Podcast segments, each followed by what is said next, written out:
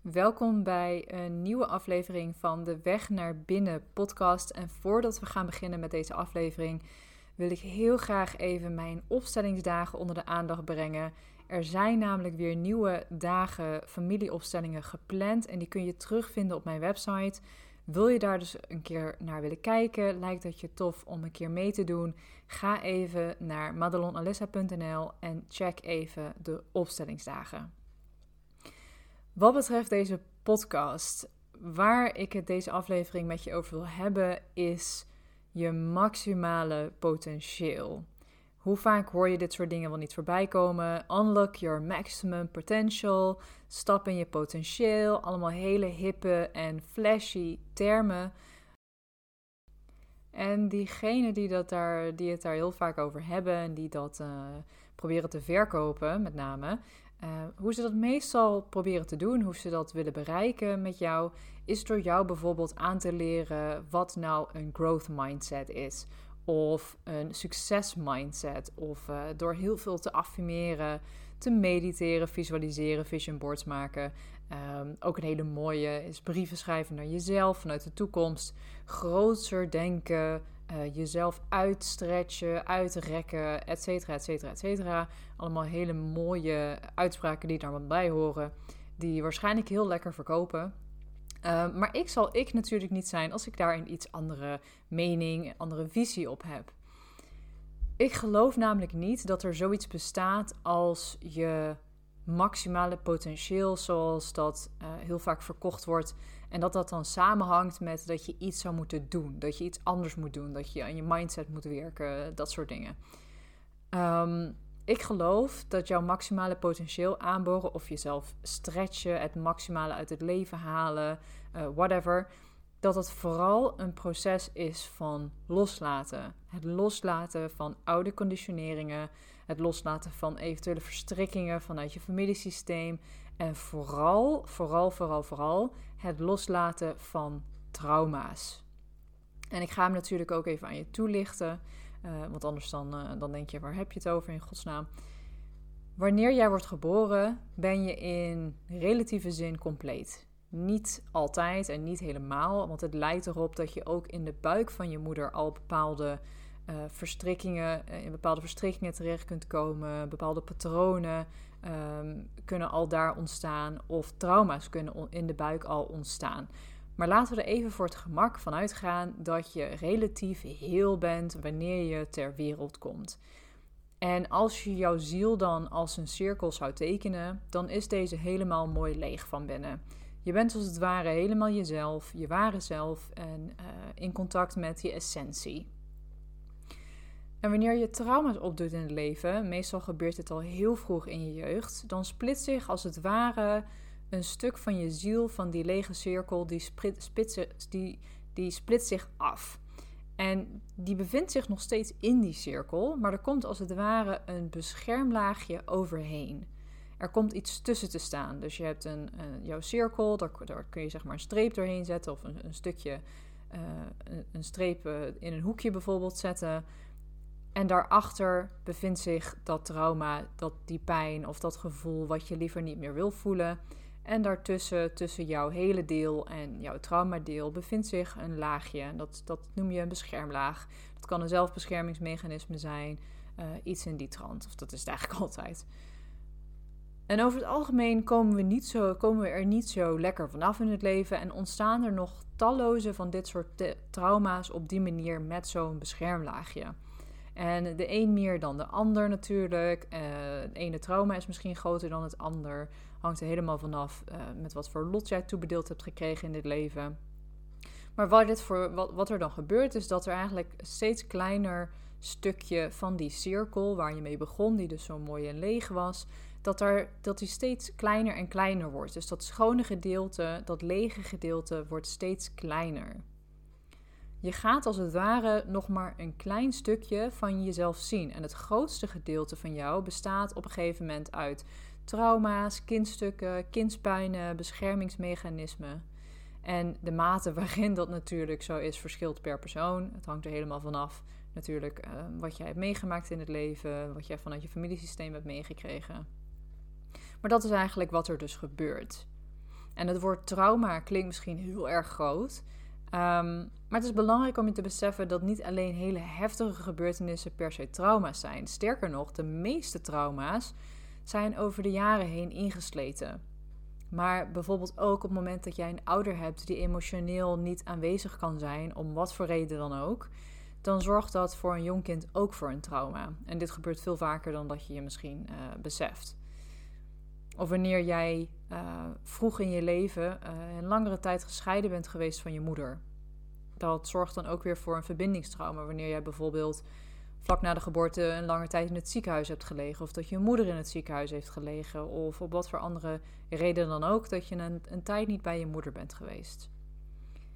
En daarnaast kun je ook verbonden zijn met trauma's binnen jouw familiesysteem. Dus er zijn talloze manieren uh, waarop trauma's kunnen ontstaan. En ik denk niet dat er iemand ter wereld is die geen trauma's heeft. Ik denk dat we allemaal belast zijn in meer of mindere mate. Een voorbeeld hoe een trauma in het familiesysteem doorgegeven kan worden is, uh, is misschien wel mooi om eventjes te noemen, want dan heb je er wat meer een beeld bij.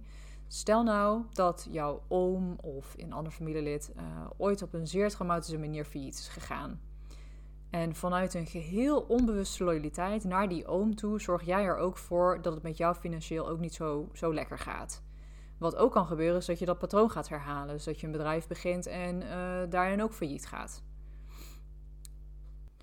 Een ander voorbeeld van een trauma is bijvoorbeeld dat een van je ouders op jonge leeftijd overleden is en dat je daar nooit echt goed om hebt kunnen rouwen. Het is niet per se verwerkt, misschien ook niet met het gezin is het niet verwerkt, misschien mocht er niet over gesproken worden.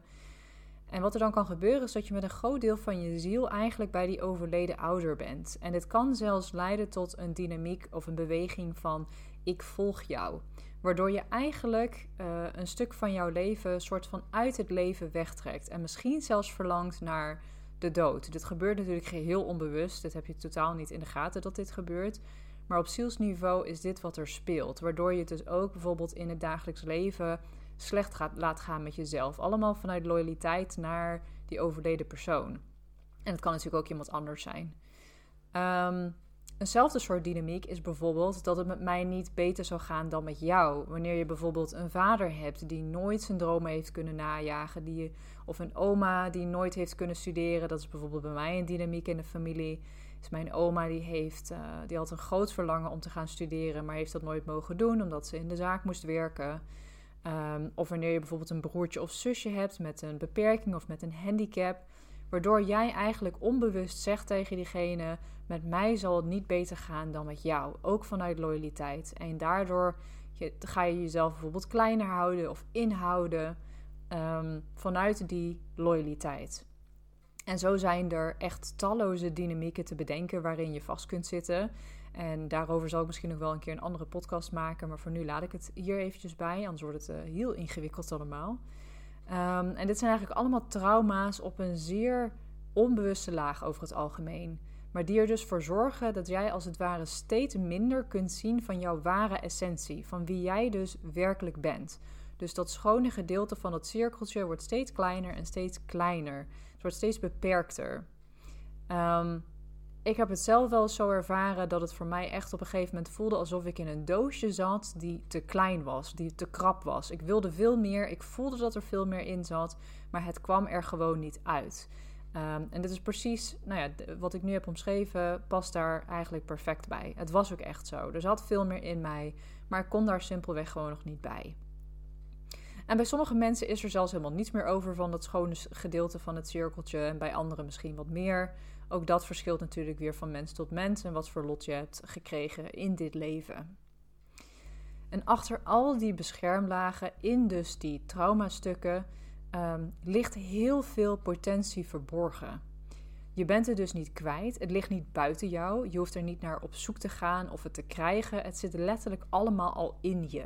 Ik weet dat dit ook zo'n clichézin is die heel vaak gebruikt wordt, maar het is wel waar. Het enige dus om bij dat potentieel te komen, om dat potentieel aan te boren, is het proces aangaan van loslaten. Beetje voor beetje al die trauma's en beschermlagen loslaten. En dit is een proces waar oprecht jaren overheen gaat. En sommige mensen kunnen hier hun hele leven mee bezig blijven. Laat je dus vooral niet aanpraten dat programma XIZ jouw uh, maximale potentie aan gaat boren. Of dat je met die meditatie je maximale potentie aanboort. Of met dat hypnosealbum. Of uh, met dit retreat. Of whatever je maar kunt bedenken waardoor ze dit, waar, waarbij ze dit zinnetje gebruiken. Want het is onmogelijk oprecht om dat in één zo'n programma te doen. En vooral een verschrikkelijk mooie verkooptruc. En echt teleurstelling gegarandeerd. Wil jij werkelijk jouw maximale potentie aanboren, dan zul je de weg naar binnen moeten afleggen. Er is geen enkele andere manier. En dat betekent dus dat je je trauma's onder ogen gaat komen, dat je naar de pijn toe gaat bewegen en gaat doorvoelen wat er zit, voor zover dat voor jou mogelijk is op dat moment. Ehm, en ook op het moment dat het voor jou mogelijk is. Dit proces kun je niet afdwingen en al helemaal niet in een soort sneltreinvaart uh, doorlopen. En alle tools die je helpen naar binnen te gaan, naar de pijn toe te bewegen, zijn wat mij betreft helemaal prima om door dit soort processen dus aan te gaan met jezelf. Alles wat van de pijn weggaat, is oprecht afleiding. Dus denk aan al die spirituele onzin als uh, alleen maar focus op licht en liefde, of visualiseren en affirmeren dat het anders is, um, vision boards maken. Uh, zolang jij niet naar de pijn toe bent bewogen, is het allemaal afleiding en gaat het je niet brengen wat je wilt. En meestal is het zelfs ook een vorm van zelfbescherming, dus het houdt je alleen maar verder weg van wie jij in essentie bent. En uiteraard ben ik fan van opstellingenwerk, maar ook daarin zorg dat je een begeleider uitkiest die je naar de pijn toe begeleidt en niet er vandaan. Alleen door de donkerte aan te kijken kun je werkelijk licht toelaten. Zo simpel werkt het nou eenmaal. Er doorheen is echt werkelijk waar de enige weg tot heling. En de grap is, dit klinkt misschien allemaal heel heftig en intens en zwaar en misschien ook wel eng. Um, en eerlijk, op een moment suprem, wanneer je er middenin zit, dan kan het ook voelen als uh, iets verschrikkelijks.